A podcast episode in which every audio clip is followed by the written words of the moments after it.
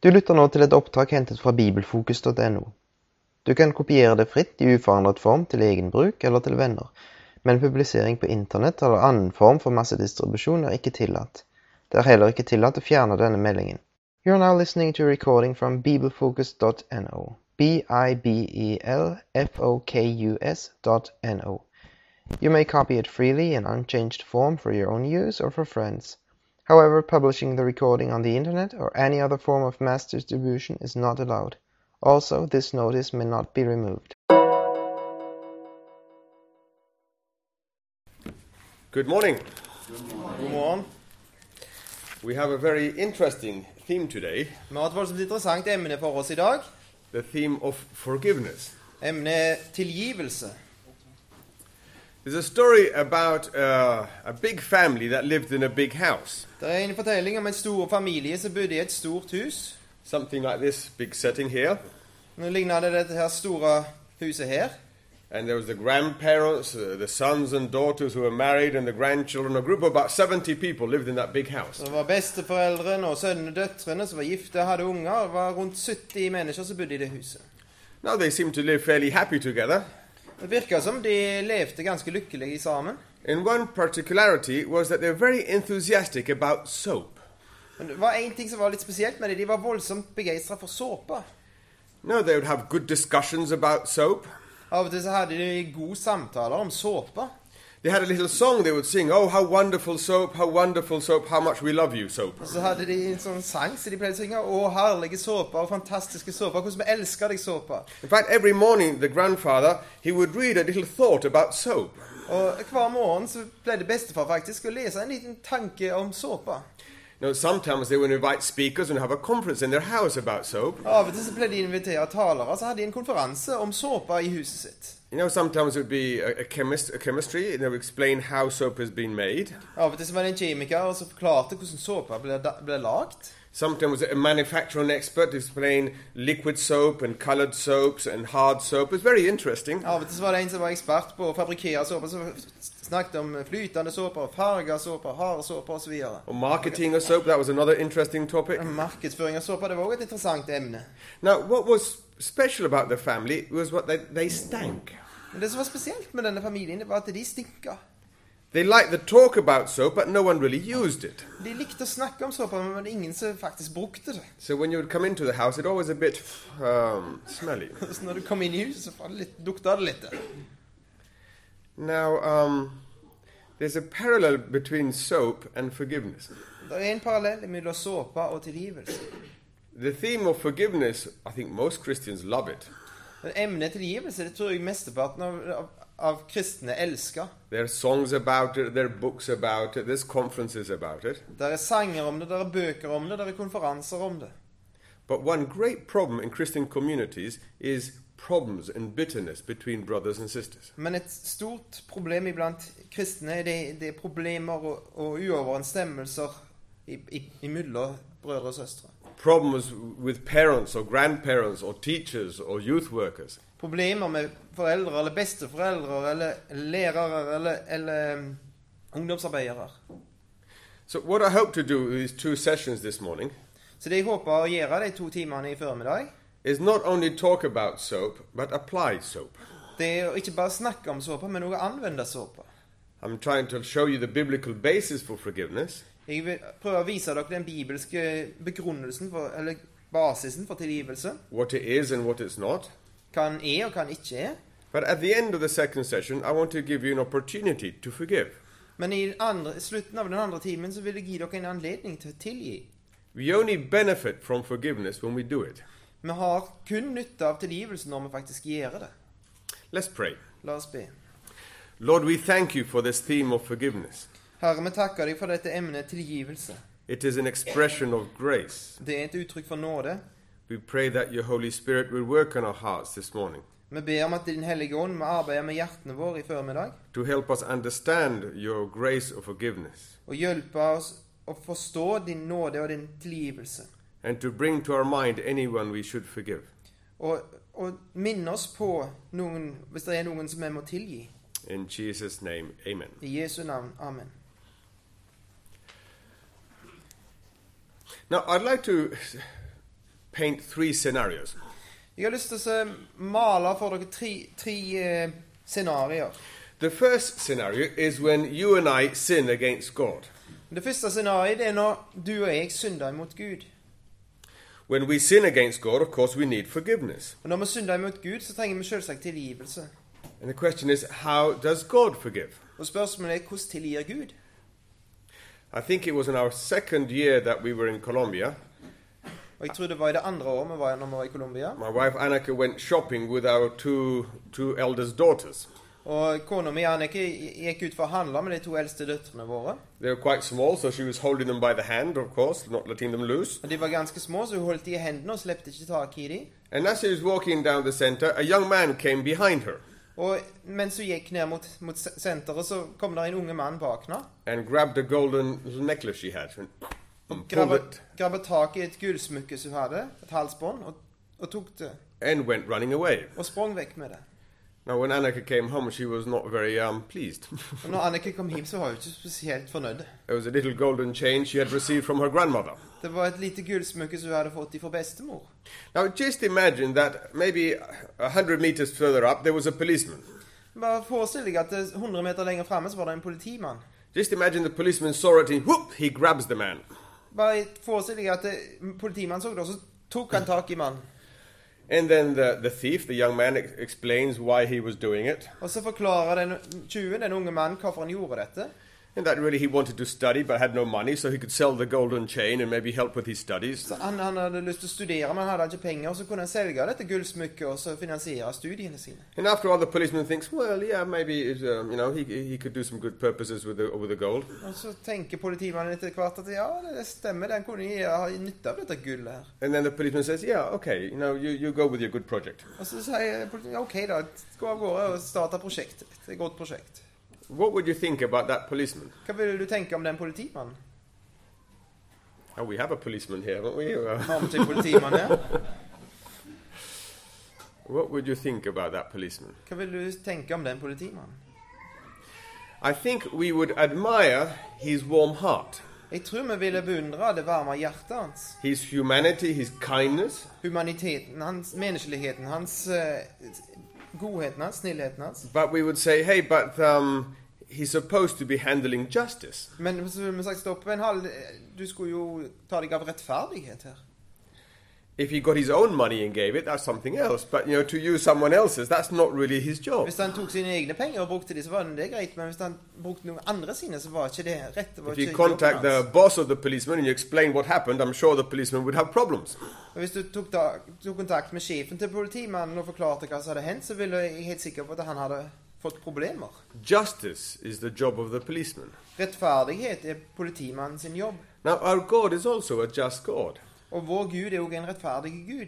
He can't forgive us out of love and kindness. Han kan ikke tilgi oss bare av, av kjærlighet og godhet. God can't say, I love humans so much, I'm going to forgive them all. Gud kan ikke si at 'jeg elsker mennesker så høyt at jeg bare tilgir de hele gjengen'.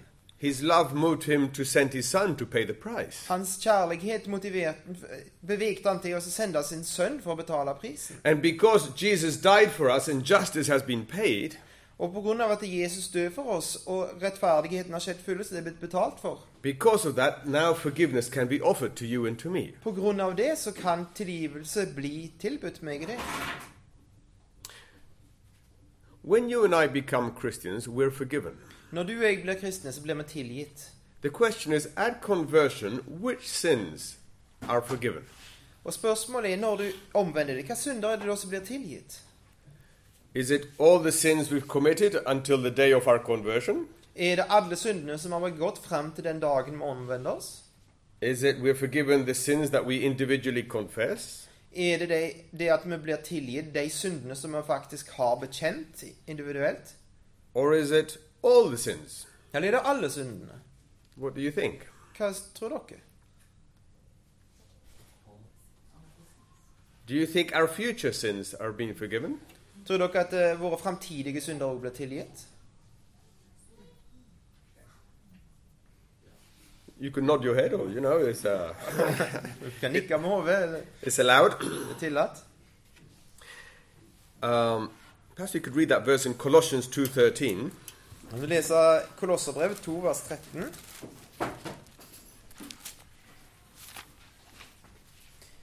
Også dere var døde ved deres overtredelser og uomskårne kjøtt. Men Gud gjorde dere levende sammen med Kristus idet han tilgav oss alle våre overtredelser. He's forgiven you, forgiven us all our sins. Han har tilgitt oss alle syndene våre. He forgave us all our sins. Um, in Revelation 1 5, it also says He's freed us from all our sins. I Åpenbaringen 1.5 står det òg at han har befridd oss ifra alle våre synder. Now, don't you think that's good news? Syns du ikke det er gode nyheter? Now, some people have a com- problem saying, now, to forgive future sins, no, that uh, past ones maybe, but uh, to be forgiven of things I have not yet committed. Noen, proble- noen har et problem med dette. Å tilgi framtidige synder. Ja, kanskje kan han tilgi tidligere synder, fortidens synder, men framtidige ting som jeg ikke har gjort Well, ennå. the reality is that when Jesus died on the cross 2,000 years ago, Men realiteten er at når Jesus døde på korset for 2000 år siden, he carried our sins så bar han våre synder, and we were not yet born. og vi var ikke født ennå. So all our sins were future. Så alle syndene våre var framtidige. So there's no problem in carrying future sins. Så det er ikke noe problem i å bære framtidige synder. In fact, that is the only reason we can have security of salvation. Og Det er faktisk den eneste grunnen til at vi kan være trygge på frelsen vår. If you were only forgiven the sins you confess, Hvis du bare ble tilgitt de syndene som du bekjente. Man, we sin and forget we've sinned. Vi synder, altså glemmer at vi har synda. Sometimes we sin and we don't know it's a sin. Av og til så synder vi så vet vi ikke engang at det er synd. We're glad that the blood of Jesus has cleansed us from all sin. Og vi er glad at Jesu blod har renset oss for all synd. And that's why our salvation is secure. It rests on the work of Christ. Og derfor er frelsen vår trygg, for han, han hviler på Kristi verk. Let's read now in Matthew chapter 6, La oss nå lese i Matteus 6. uh, when the Lord Jesus is teaching about prayer. Når Herren Jesus underviser om bønn, Matthew 6, and we'll read from verse 9 to verse 15. og vi skal lese fra vers 9 til 15. Slik skal dere da be.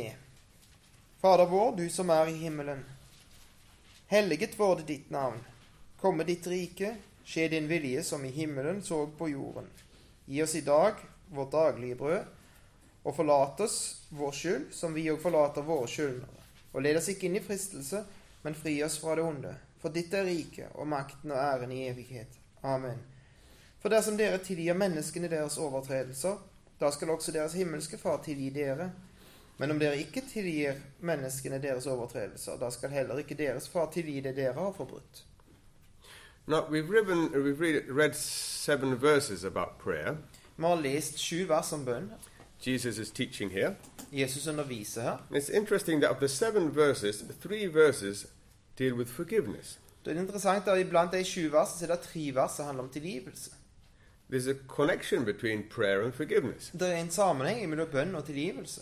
And apparently, for the Lord Jesus, it was very important this theme of forgiveness. Og det er tydelig at det var et sånn viktig emne for, for Jesus, dette med tilgivelse.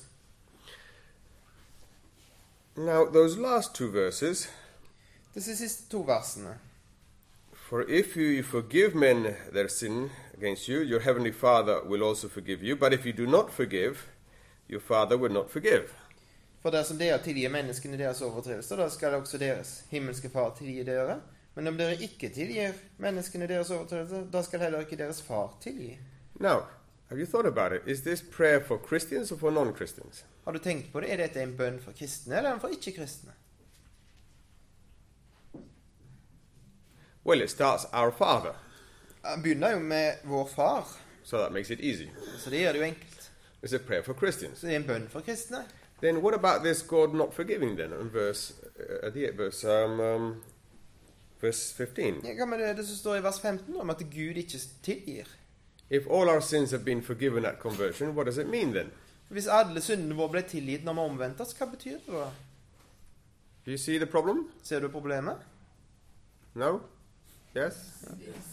Okay. There's another standard classic verse on forgiveness, 1 John 1 9. Det er et annet standard klassisk vers om tilgivelse, 1. Johannes 1,9. If we confess our sin, he is faithful and just to forgive our sin and cleanse us from all unrighteousness. Dersom vi bekjenner våre synder, da er han trofast og rettferdig, og Jesu hans sønns blod renser oss fra all synd. In passing, it's worth noting it doesn't say if we confess our sin, God is loving and kind to forgive us. Det står ikke at eh, hvis vi, hvis vi bekjenner syndene, så er Gud kjærlig og, og god og tilgir oss. Of course, He's loving and kind, but that's not the basis of forgiveness. Selvsagt er han kjærlig og god, men det er ikke grunnlaget for tilgivelse. It's because Jesus has died and paid the price, therefore, God is just and righteous and He can forgive us. Men det er for at Jesus har dødd og betalt prisen, at Gud kan være rettferdig og tilgi oss. But notice it talks about, uh, again, wri- writing to Christians that we confess sins, we, He cleanses us from all unrighteousness. Men legg merke til at han sier at, at hvis vi bekjenner syndene, så, så forlater han oss syndene og renser oss fra all urettferdighet. Ha- Have any of you read the commentary by John uh, by MacArthur? William Mac- is it William? John. John MacArthur. Har noen av dere lest kommentaren til John MacArthur? No, sorry, it's William MacDonald's commentary. William MacDonald. You, have you read his commentary, William MacDonald? Dere leser William MacDonald sin kommentar? Yes, known here in Norway. No. Anyway, he, he, I found him very helpful in helping me understand that tension I found in Scripture. Jeg syns det har vært voldsomt til hjelp å- det som han skriver om dette, for å forstå dette, denne spenningen imellom He tilgivelse i explains, Skriften. he explains the difference between legal forgiveness and fatherly forgiveness. Han forklarer forskjellen mellom juridiske tilgivelse og faderlige tilgivelse. When we become Christians, we are legally forgiven. Når vi blir kristne, så blir vi juridisk tilgitt. There is no more condemnation. All is washed and clean. Det er ingen fordømmelse. Alt er rensa og er rent. We are, um, yeah, made clean forever. Vi er gjort rene for alltid. But when we sin in our do- normal life, Men når vi synder i vårt normale liv, we offend our Father. så fornærmer vi vår far. Our harmony, our relationship with our Father uh, comes under stress. Harmonien og forholdet til far eh, t- blir eh, forstyrra. And we need fatherly Og forgiveness. så trenger vi faderlige tilgivelse. So John, Matthew 6 and 1 John 1 is talking about this fatherly forgiveness for Så, Christians. så Matteus 6 og 1. Johannes 1 det snakker om denne her faderlige tilgivelsen for kristne. Look, my wife and I, we got married about 25 years ago. Kona mi og jeg vi ble gifte for ca. 25 år siden. Just over. Last year was our 25th wedding anniversary. I fjor så hadde vi fem vår- hadde vi sølvbryllup. Now, from that time, um, we've been married. Og etter den tid så har vi vært gift. Now, if I um, I say I'm going to do something or come back at a certain point uh, in the evening, and I come back much later, Og Hvis jeg sier at jeg skal gjøre noe, eller at jeg skal komme tilbake til et bestemt tidspunkt om kvelden, og så kommer vi mye seinere, I can do things that offend my wife. så kan jeg gjøre ting som fornærmer kona mi. And I notice that when I come in, I notice she's not so happy. Og når jeg kommer inn, så legger jeg merke til at hun er ikke spesielt glad. How do we men know that? Hvordan vet vi menn det? Well, you just um, you notice it in the eyes or, or you, the, the behavior, Du legger merke til det i øynene eller i oppførselen. and we think, uh oh, uh oh. I've mucked it up again. Har du rota det til igjen? There is a problem, Det er et problem her. and I'm the cause. Og jeg er årsaken. Now, what's the solution? Hva er løsningen? To say, hey, Annika, shall we get married again? Hei, Annike, skal vi gifte oss på nytt? You say, no, no, no, that, that's fixed. Nei, det er ordna. Det, det er ferdig, det. What we need to say is, I'm sorry, I, I mucked it up again. Uh, you know, um, please forgive me. Men det vi trenger, sier det Jeg beklager, jeg har rota det til igjen. Kan du tilgi meg? And when we confess our sin, the relationship uh, uh, comes back to normal. Og når vi bekjenner vår, vår synd, så blir eh, forholdet normalisert igjen. When we sin as Christians, we don't have to become Christians again. We're still, that's a stable thing. We're children of God. Når vi, når vi synder som kristne, så trenger vi ikke bli kristne igjen. Vi, vi er Guds barn. Det er en stabile ting. It's the harmony, the joy of our relationship that needs to be restored. Men det er harmonien og gleden i forholdet som må bli gjenoppretta. If, uh, if you know that you've sinned and have not confessed, Hvis du vet at du har synda og ikke har bekjent, If you know you're doing something or have done something which has offended God and you think, well, ah, other people do it too, hvis du vet at du har gjort noe som, som fornærmer Gud, og så tenker du ja, hadde andre gjøre det òg, I would like to encourage you, set it right. så vil jeg oppfordre deg til å ordne opp i det. receive that fatherly forgiveness which the, our Heavenly Father wants to give. Ta imot denne faderlige tilgivelsen som vår himmelske far har lyst til å gi. When we counseling marriages that are having problems, Når vi er, gir råd til, til ektepar som har problemer, I think life is too short to live miserably. så sier vi at eh, livet er for kort til å ha det forferdelig. Seek a solution. Søk en løsning på dette. Also, with our Heavenly Father, life is too short to just live in disharmony. Og ah, det gjelder òg når de, vår himmelske far. Livet er for kort til å le- leve utenfor harmoni med han. Let's look at now the second scenario. La oss nå se på det andre scenarioet. And here's a scenario where um, we have offended someone else. Og her er scenarioet at vi har fornærma noen andre. Have you ever sinned against somebody else? Har du noen gang synda imot noen andre? Yeah? What do you do when you sin against someone else? Hva gjør du når du synder imot noen andre? Bad luck. Uflaks. C'est la vie. Sånn er livet. When the um, prodigal son was aware that he had gone wrong, Når den fortapte sønnen ble klar over at han hadde gått feil, he says, I'm going to go back to my father. så sier han at 'jeg skal vende tilbake til min far'. And when he meets his father, he says, Father, Og når han møter far sin, så sier han 'far'. can you remember what he said? Men husker du hva han sa? He says, Father, I have sinned against heaven and against you, Han sier 'far, jeg har sydda mot himmelen og mot deg'. vertical and horizontal. Vertikalt og horisontalt. When you and I sin against someone else, we have a vertical problem and a horizontal Når problem. jeg og du synder mot noen andre, så har vi et vertikalt problem og et horisontalt problem. And both problems need to be solved. Og begge problemene må løses. When you know you've sinned against, sinned against someone and you go to your bedroom and confess your sin, Men når du vet at du har synda imot noen, og så går du inn på soverommet og så bekjenner du dine synder. that's, fi- that's good. Det er bra. The Lord forgives. Herren tilgir.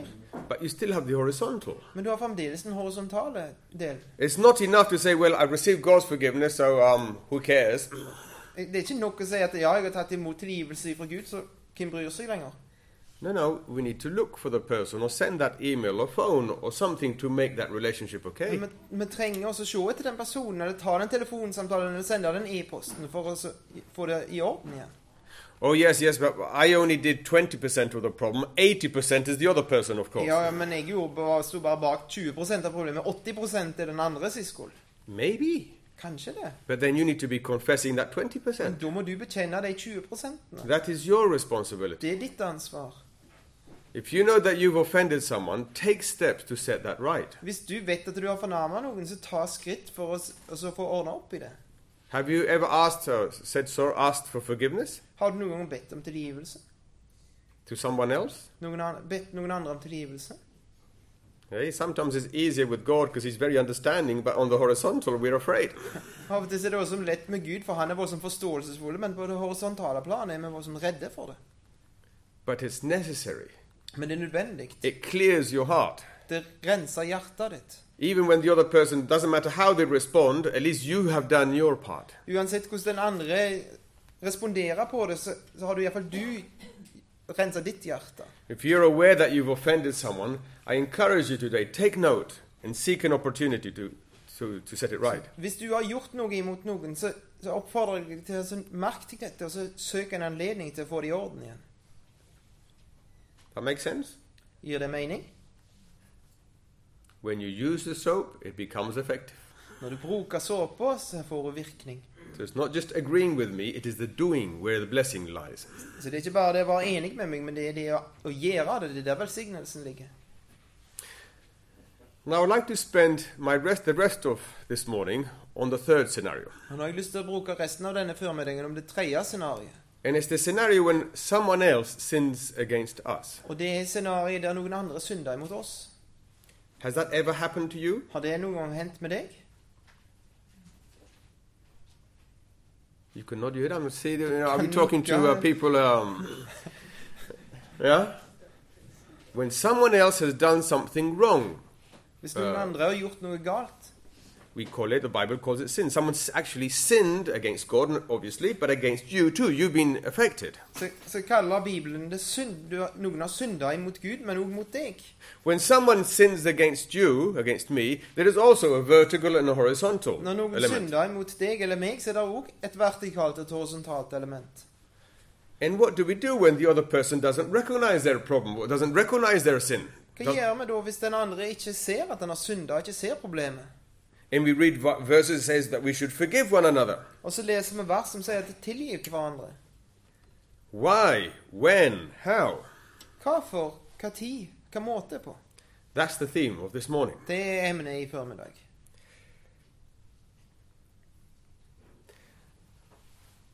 What are my prayer for today is that if you need to forgive someone, you should do it today. En av bønnene mine for i d- i dag er at eh, hvis du trenger å tilgi noen, så at, at du gjør det i dag. And maybe if you're involved in counseling and helping people, that you would be inspired to be an agent of forgiveness. Og hvis du driver med, med sjelesorg og, og gir råd til folk, at, du- at du kan bli inspirert til å bli en, en som, som hjelper folk å tilgi. Blessed are the peacemakers. There's a blessing attached to this ministry. Der står det at det salige er de som stifter fred. Det er en velsignelse koblet til den tjenesten. Now, why is forgiveness important? Hvorfor er tilgivelse viktig? Now, firstly, there are social and uh, health benefits attached to forgiveness. Ja, for, for det første så er det sosiale og helsemessige gevinster av tilgivelse. I find it interesting that even non Christian therapists encourage people to forgive. Jeg synes det er interessant at til og med ikke-kristne psykologer oppfordrer folk til å tilgi. Is that when you and I choose not to forgive, it's like an acid that begins to eat inside our soul. For når du og jeg begynner å la- la være å tilgi, så er det som ei syre som begynner å ete på sjela vår. So, forgiving has health benefits. Så det å tilgi, det har helsemessige gevinster. But that's not the main reason we forgive. Men det er ikke hovedårsaken til at vi tilgir. We're in Colossians, we go back to Colossians chapter 3. La oss gå tilbake til Kolosserbrevet 3.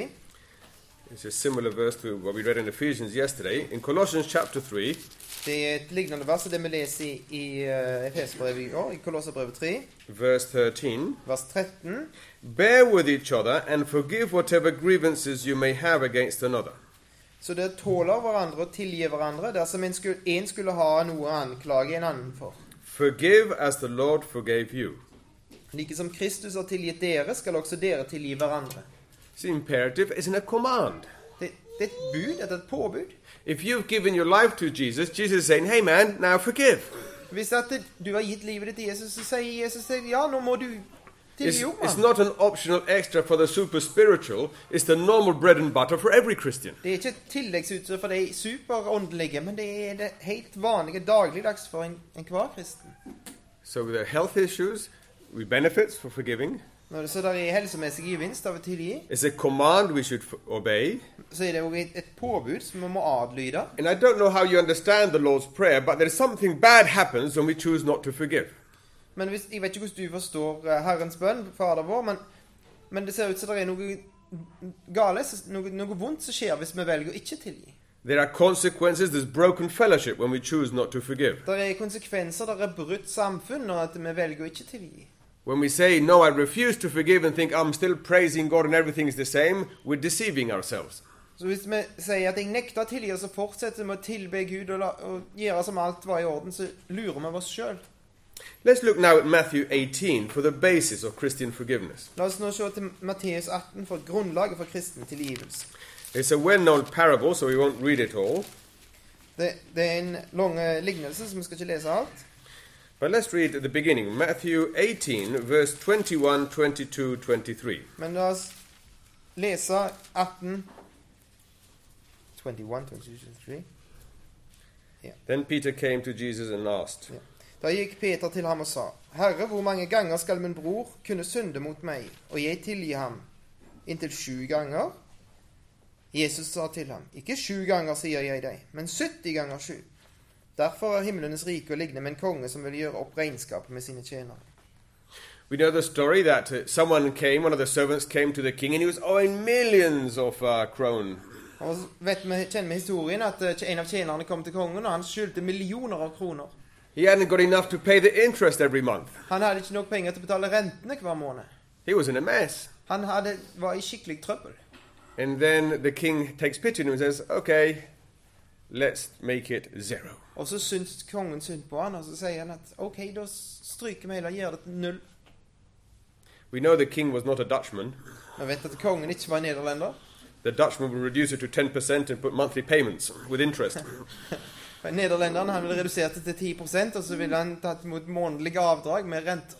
but this is a picture of the, our Heavenly Father. Men dette er et bilde på vår himmelske far. When we come to him with our load of sin, everything is forgiven. Når vi kommer til han med vår, til vårt lass med synd, så blir alt tilgitt. Can you imagine how happy this man must have felt when he left the office? Kan du forestille deg hvor lykkelig denne mannen var når han forlot kontoret? Like if you have problems paying your house and you go to the bank because you're behind six months on your payments, Når du har problemer med å betale for huset, og du går til banken for du er seks måneder på etterskudd med betalinger, and you're very stressed, og du er voldsomt stressa, and the bank manager says, you know what? You have your house for free. Zoom, zero. så sier banksjefen OK, hør her nå. nå Si meg at du får huset for n- null, men nuller det ut. Can you imagine how that person goes home? How? Uh, goes to his house? Kan du forestille deg hvordan den mannen går til huset sitt? He might even kiss the cat when he comes home. Så kan du mene at han kysser katten når han kommer hjem. Um, but what happens is that this man, on his way home, he meets someone else who's, o- who's owing uh, about 200 euros. Men hva hvis at den- denne mannen på veien hjem møter en annen, så skylder han 200 euro? He says, hey, yes, you're owing me some money, aren't you? Ja, Du skulle ha meg penger, du, gjør du ikke det? You think I've forgotten, but I haven't forgotten. Jeg trodde jeg hadde glemt det, men jeg har ikke glemt det. Come on, come on, and grabs him by the neck. You need to pay. Da har han nakkegrepet han og sier nå må du betale. And sends him to prison. Og så sender han i fengsel. And then the king hears about it. Og så hører kongen om dette. How do you think the king feels? Hvordan tror du ko- kongen føler seg? Unbelievable. Helt utrolig. I've just forgiven him millions, Jeg har akkurat tilgitt han millioner, and he's causing problems for a couple of hundred. og så lager han trøbbel for et par hundre. Unbelievable. Utrolig. Um, that's how God sees us when we choose not to forgive. Det er sånn Gud ser oss når vi velger å ikke tilgi. Look at verse 35 at the end. Se vers 35 på slutten. This is how your heavenly Father will, te- will treat each of you unless you forgive your brother from your heart. Slik skal også min himmelske far gjøre mot dere, om ikke hver og en av hjertet tilgir sin bror. I call this heart forgiveness. Jeg kaller dette hjertetilgivelse. It's not just pronouncing the words forgiveness. Det er ikke bare eh, si ordene tilgivelse. It's not saying, oh, it doesn't matter. Det er ikke bare si 'ja, det gjør ingenting'. It's a forgiveness from our heart. Men det er tilgivelse ifra hjertet.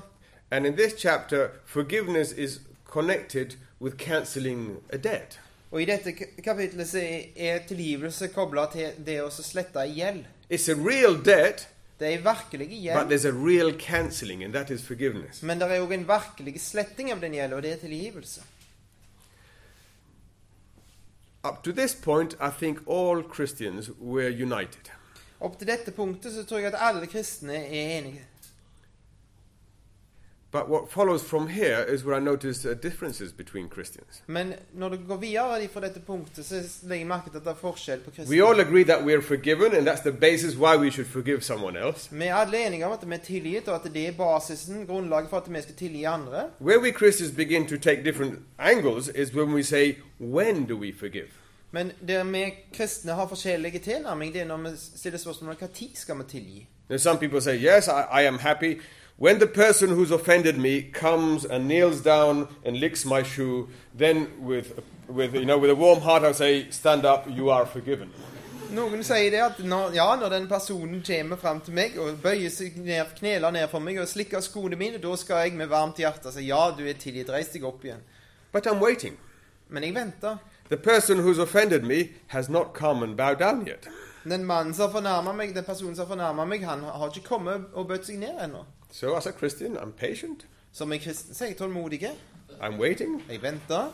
One month, En måned, six months, seks måneder, one year, ett år, ten years. ti år. It's true. Det er sant. This does happen with Christians. Dette skjer blant kristne. So the question really is when do we forgive? At the beginning of a process or at the end of a Så process? spørsmålet er hva tid tilgir vi? I begynnelsen av prosessen eller i slutten av prosessen? Do we forgive when we we become aware of the pain, the disappointment of being sinned against? Tilgir vi når vi blir klar over smerten av å ha blitt synda imot? Or do we wait for some dialogues and some repentance from the other person when the person really shows repentance, enough to convince us that he is repentant, then we say we forgive? Eller venter vi på noe dialog, en eller annen prosess, når vi blir overbevist om at personen har innsett hva han har gjort imot oss, og så tilgir vi? Do you understand the, the positions? Forstår dere de, de to, to tilnærmingsmåtene? Now, if we look at Luke chapter 17, Hvis du ser på Lukas 17, Luke chapter 17, verse 3, Lukas 17 vers 3, it says, Watch for yourselves. If your brother sins, rebuke him, and if he repents, forgive him. Ta dere i vare om din bror synder, så tal ham til rette, og dersom han angrer, så tilgi ham. So some would say, Look, you see, see the if? If he repents, forgive him. Så sier noen ja, sjå, st- legg merke til dersom her. Dersom han angrer, så tilgi ham. No repentance, no forgiveness. Ingen anger, ingen tilgivelse. Now say, well, that's a very strange way to look at that text. Men det er en ganske merkelig måte å så se på den teksten på. Of course, if someone repents, we will forgive as Christians. Selvsagt, hvis noen angrer, så tilgir vi som kristne. The problem is that I would say maybe one in 20 people will actually ask for forgiveness. Men problemet er at, det- jeg vil si at det bare én av 20 ber om tilgivelse. Most of the people who sin against you will not come back and ask for forgiveness. Mesteparten av de folket som synder mot deg, kommer ikke til å komme tilbake og be om tilgivelse. Some people have sinned against you or against me, and they haven't even noticed they've done so. Noen har synda mot deg eller meg, og har ikke engang lagt merke til at de har gjort det. They thought it was a joke. De trodde det var en vits.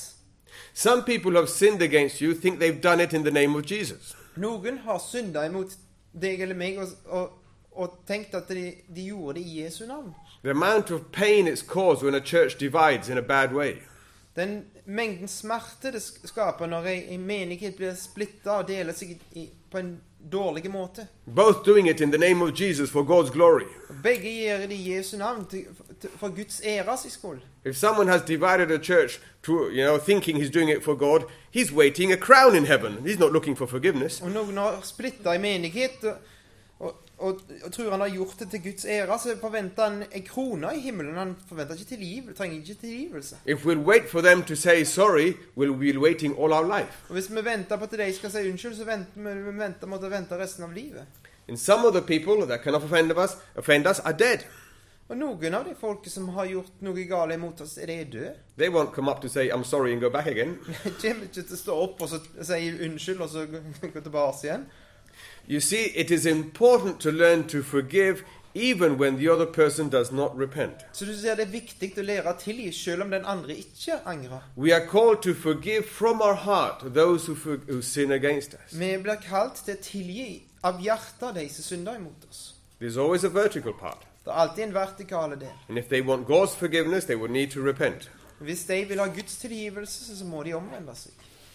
Now, uh, a word of caution here for those who work with pastoral and pastoral situations. Men et, en liten advarsel her til de som, som driver med sjelesorg. her.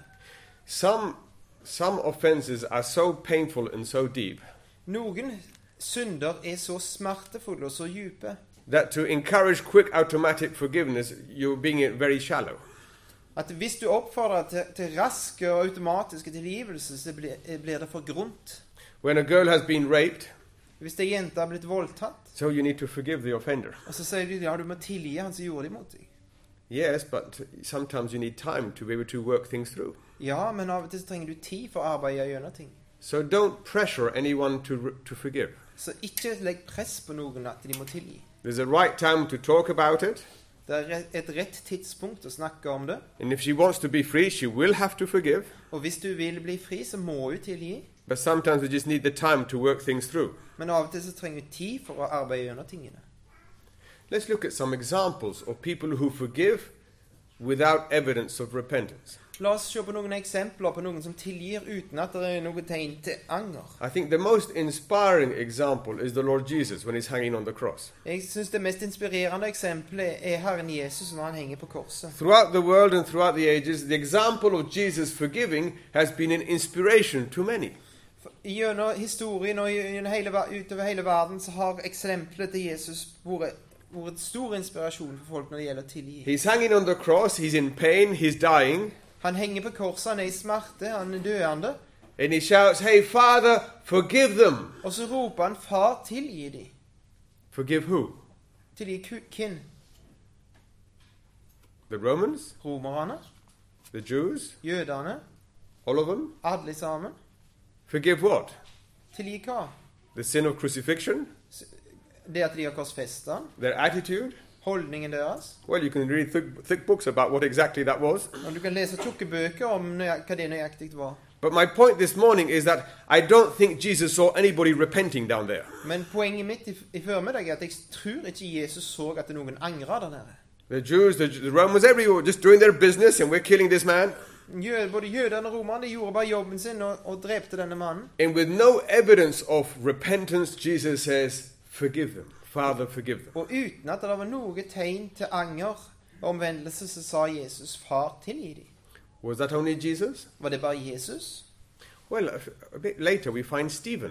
Ja, litt seinere så finner vi Stefanus. Now, Stephen in Acts 7, he gives a long speech about the history of Israel and all sorts of nice, interesting things. I- I Apostelgjerningen 7 så holder Stefanus en lang tale om Israels historie og all slags interessante ting. And at the end of his speech, the people, the Jews, become very angry with him. Og på slutten av talen så blir folket, jødene, blir voldsomt sinte på han. Have you been? Have you ever seen people angry with you? Har du noen gang sett at folk er blitt sinte på deg? Not a nice experience. Det er ikke noe spesielt behagelig opplevelse. And Stephen wasn't doing anything wrong. We're just explaining, just doing a Bible, uh, a Bible study.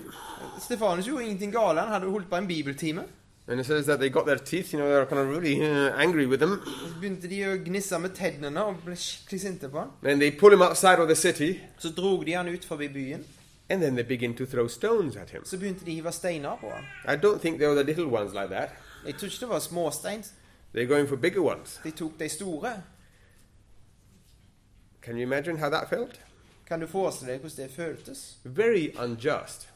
Voldsomt urettferdig. I'm just doing God's work. I'm speaking God's truth, Jeg gjør bare Guds arbeid, taler Guds sannhet. and here they are throwing big, heavy stones at my head. Og så driver de og hiver store, tunge steiner mot hodet mitt.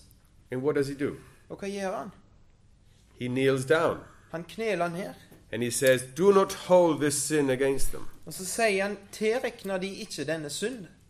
Did Stephen notice any repentance in the people around him? S- Så eh, Stefanus noe anger i de folkene rundt ham?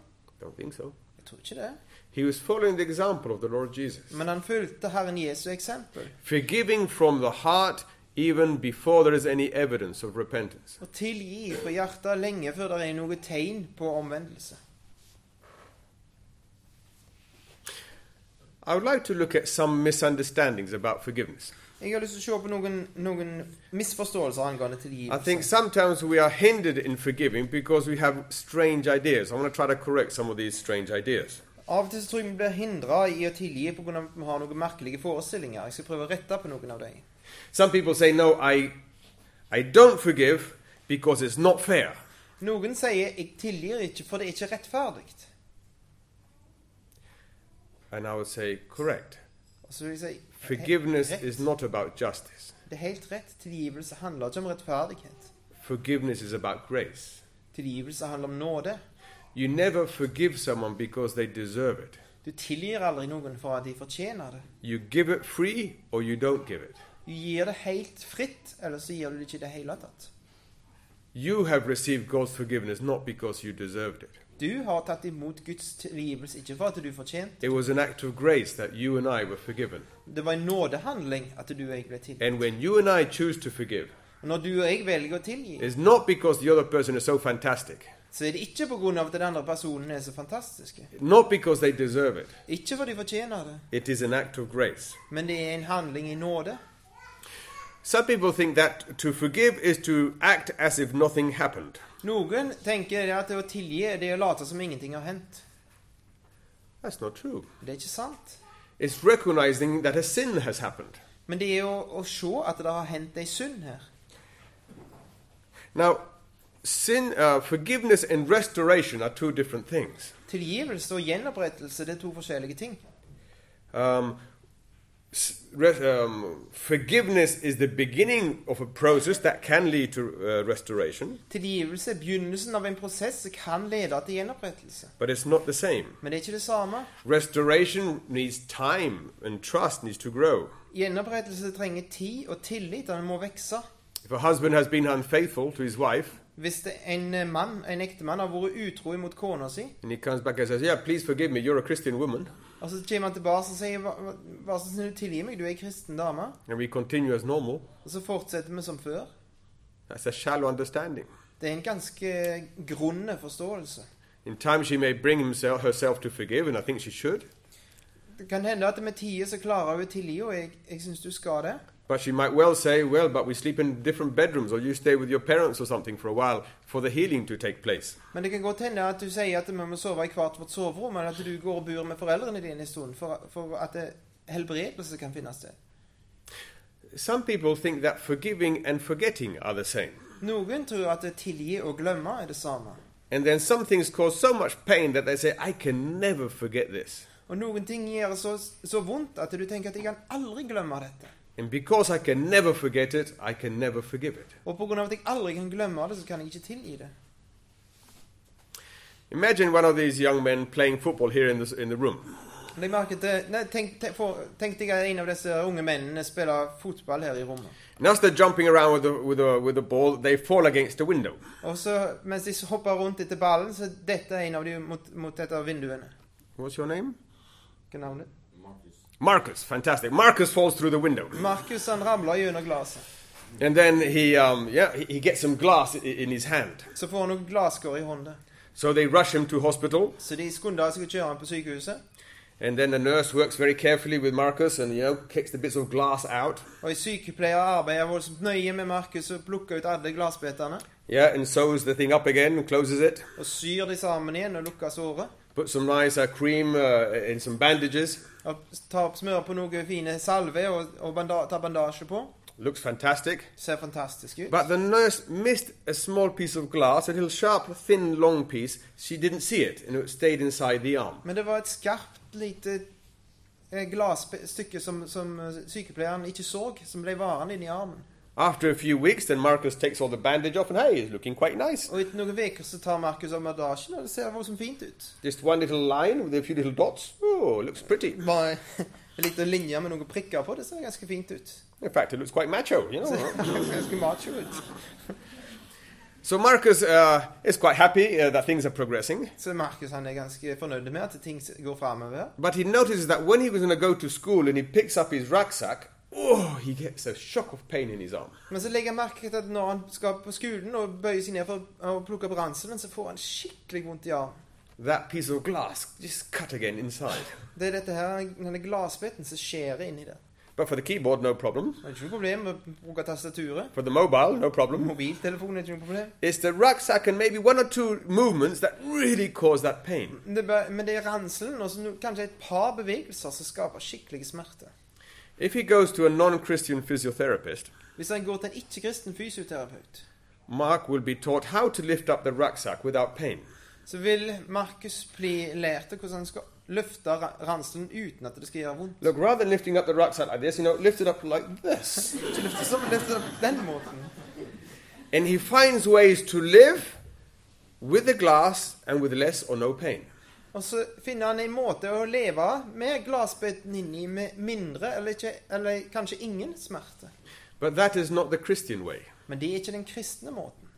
The Christian way is to cut the slice, the thing open again, Den kristne måten det er å skjære opp igjen to find the piece of glass and take it out. og finne glassbiten og ta den ut. And that is forgiveness. For det er tilgivelse. And that is why forgiveness sometimes, not always, but sometimes can be so painful. Og det for seg er tilgivelse av og til voldsom smerte. Because you're cutting Just open an hour again. to- You're cutting open again something that happened a year or 10 years or 15, 20 years ago. For du ripper opp igjen i noe som skjedde for 1 eller 15 eller 20 år siden. It's something you put away, you try to ignore, but you know the pain is still there. Det er noe som du har lagt til side, så prøver å ignorere, men du vet at smerten er der fremdeles.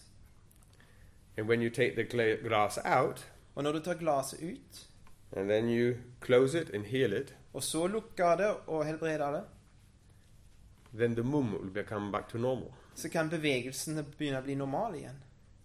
As the time goes by, you'll have less pain. Og etter tida går, så vil du ha mindre smerte. You'll always stay with the scar, Du vil alltid ha arr. but the pain associated to the memory will be less and less. Men smerten knytta til minnet blir mindre og mindre. And you discover that after a while you can talk about it with no more pain in Og your s- heart. og så etter ei stund så vil du merke at du kan snakke om det uten å ha smerte i hjertet lenger. Through forgiveness, God has healed you. Gjennom tilgivelse så har Gud helbreda deg. Now, I'm no psychiatrist, Jeg er ingen psykiater, but it's not so difficult to identify glass in the arms of people. men det er ikke så vanskelig å identifisere glass i armene til folk. Like with the rucksack, you see he jumps. It's something where you think that's quite normal to lift up a rucksack, but he jumps. Du ser, når, ser det når, som når en lufter ranselen. Du, han hopper til, og det er ikke vanlig når folk lufter en ransel. og hopper til på den måten.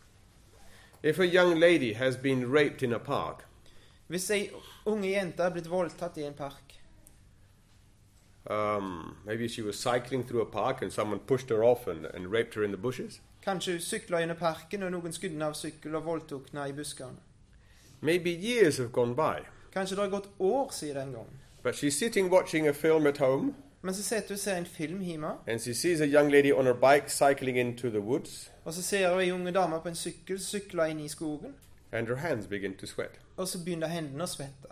She gets very nervous. Hun blir voldsomt nervøs She wants to go to the toilet. og må gå på toalettet She wants to change the video. og, og vil skifte av film. You think, oh, what's so strange about cycling in a forest? Hva er det som er merkelig med å sykle gjennom en skog? It's touched the, ar- the, the it's touched the glass in the arm. Men Det er glass i armen som er blitt berørt. If someone, if a young man has had a mother, that always shouts at him. Hvis en, en unge mann har hatt en mor som alltid skreik og brølte til han. You're, you're hopeless, you're useless, and always shouting at him. Du er håpløs, og du er ubrukelig. Alltid ubrukelig. Years later, he may be 34 years, or 30, 40 years old, and he's at work. Så år senere, han er 30-40 år gammel og er på jobb, And maybe on a bad day, his boss shouts at him. og så er det en, en dårlig dag, og så, og så skriker sjefen til han. The boss Chef, does he- touched glass in his arm, and he, he responds out of proportion. Og så rører sjefen med glass i armen, og så er responsen helt utenfor alle proporsjoner. Yes, the Christian way is to forgive, to take that glass out. Men den kristne måten er å tilgi og ta dette glasset ut. When time goes by, the glass just stays there. Når tida går, så blir glasset bare varende der. I was talking about this a few years ago in Holland in an assembly. Jeg talte om dette for bare noen få år siden i Nederland, i en menighet. Then in the break, a brother came to me and says, I remarried when he was about 60, 55, 60. Så kommer det en bror til meg, og så sier han at eh, jeg gifter meg på nytt da jeg var rundt 55-60. He says, we're both widows and you know, we both lost our partners, so we, we ma- remarried. Vi var be- begge, hadde begge mist ektefellene våre, så vi gifta oss på nytt. And he said, it went well for about one or two years, but then it became very difficult. Og så gikk det bra i ett eller to år, men så ble det voldsomt vanskelig. He says, I come from home from work and my wife is working in the kitchen. Jeg kommer fra jobb, og så arbeider kona mi i kjøkkenet. And you know, you go and start, you know, just, just uh, uh, playing with your wife or just, uh, uh, you know, tickling her or pestering her. Så går jeg bort og så kit- leker litt med kona, kitler henne litt, stryker henne litt, Like we men do som sometimes. vi menn gjør av og til. And she goes stiff. Og så blir hun helt stiv. She doesn't like it. Hun liker det ikke. And it's very uncomfortable. Og det er ganske ukomfortabelt. It's, um, yeah, it's really damaging our relationship. Det skader forholdet vårt. When this, his wife was a girl Når kona hans var ei jente in a Christian home, i en kristen hiv, her father would go up to her top bedroom and sexually touch her. så pleide faren ta henne med opp på soverommet, og så tok han på henne seksuelt. And for many years, she could hear the footsteps of her father coming up and say, God, stop him, stop him, stop him. Og i mange år så kunne hun høre skrittene til faren når han kom opp, og så sa hun- sa hun 'Gud, stopp han, stopp han'. And God never did Og Gud gjorde aldri det. until she left home. Til hun forlot hjemmet.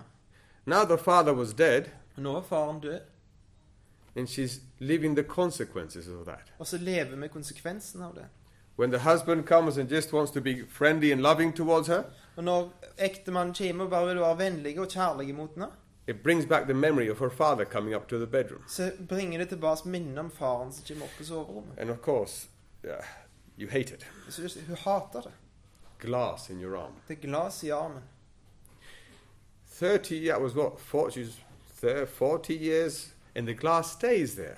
40 år senere så er glasset fremdeles der. The only way is to cut and take it out, brothers and sisters. That's the only way. Forgiveness is the only way forward. Og Den ene må eneste måten er å skjære opp og ta den ut. Tilgivelse er den eneste veien videre. Now, some people say, well, I- I, I don't like forgiveness because it allows for exploitation. Og Noen sier at de liker ikke tilgivelse, for det, ti- det gjør at vi kan bli utnytta. If you forgive, they'll do it again. You forgive, they do it again. Hvis du tilgir, så gjør de det på nytt, og hvis du tilgir, så gjør de det på nytt igjen. I remember years ago, we came back from the church on a Sunday midday, Og For årevis siden så kom vi tilbake på en søndag ettermiddag fra, men, ifra menigheten in Pereira, i Pereira. and we noticed that some thieves had gone into our house. Og så la vi merke til at det hadde vært innbrudd i huset vårt. We have some metal bars like this, vertical ones, in front of our window, and we saw it was bent open. Men Det var sånn metallgitter framfor glasene våre, så så vi at de hadde blitt brekt av ifra hverandre. So it's a nasty feeling when you come and you see they've, you know, they've moved all your drawers and things and taken things from your house. Og Det er en ubehagelig følelse når du kommer og så ser du at de har åpna alle skuffene og tatt ting ut ifra huset ditt. So, well, what do you do? You report it to the police. Og Hva gjør du? Du melder til politiet. We choose to let's forgive that and let's just get on with life. Og så valgte vi ja, la oss tilgi dette, la oss gå videre i livet. But the next day, I went to a man to get the, the metal bars reorganized. Men neste dag så gikk jeg til en mann for å få han til å fikse disse her mm, jernstengene. And I noticed, well, vertical on their own not good enough. We need a few horizontal ones too. Og så la jeg merke til at eh, vertikale stenger er ikke godt nok, du trenger noen horisontale òg. So we forgive, but we all, that doesn't stop us from organizing so that we don't get it repeated. Og vi tilgir, men det hindrer oss ikke i å organisere ting sånn at det ikke blir gjentatt. Sometimes the offender needs to live the consequences of their offense. Av og til så må den som har gjort ugjerningen, leve ut Trenger han å å oppleve konsekvensen av det han har gjort? If you have a business and you have a young lady working in the, uh, the you know the payment place, Hvis du eh, driver en forretning, og så har du ei unge dame som jobber i, som kasserer, eller noe sånt, and you notice some money is missing, your accounts are not really you know you notice money is going missing, jobber i kassen, og så ser du at det, det mangler penger her, s- eh, regnskapet går ikke opp. and then you discover the young lady every day you know puts a few euros in her bag to go home. Og så legger du merke til at denne unge dama hun tar hver dag noen euro med seg og stapper, stapper det i, i veska si når hun går hjem. Now you can get angry. Kan du bli sint? I think the best is to forgive her from your heart. Men det beste tror jeg er tilgivende av hjertet. Then you're calm. Så er du rolig, Then you can call her. og så kan du rope på henne. And then you can see what is best for her. Og så kan du se hva er best for henne. And sometimes the best is say, now you better stop working for this company. Og noen ganger er det beste å si nå må du, bør du slutte å jobbe i dette firmaet. You need to learn that if you're given trust, you need to respond with trust. Du må lære at når du får tillit, så må du, må du eh, respondere med vare. eh, That Verd tilliten. when we forgive it, it does not mean that the consequences should follow.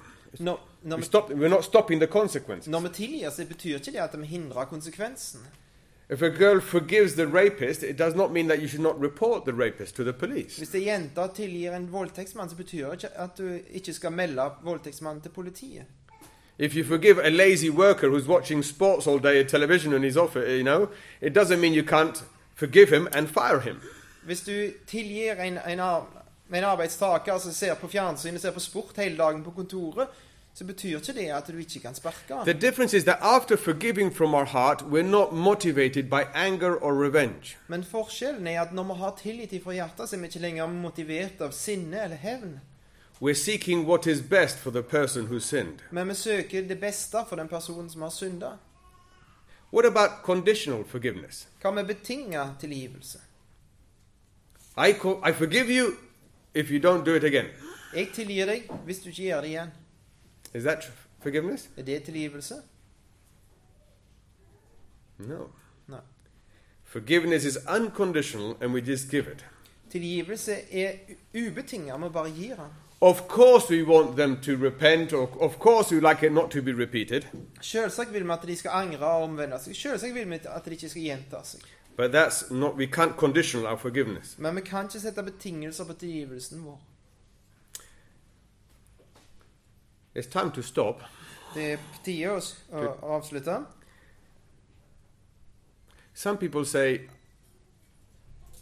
I will forgive when I feel like it. Noen sier at jeg skal tilgi når jeg føler for det. Because if I forgive and I don't feel like it, I'm being a hypocrite.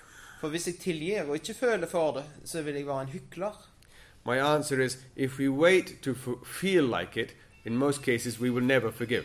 Og Svaret mitt er at hvis vi venter til vi føler for det, så vil vi i de fleste tilfeller aldri komme til å tilgi. We forgive as an act of obedience. Vi tilgir som en lydighetshandling. Let's take a break now and then we'll carry on um, after the break. La oss ta en pause nå, og så fortsette etter pausen. Enjoy your coffee break. Nyt kaffepausen.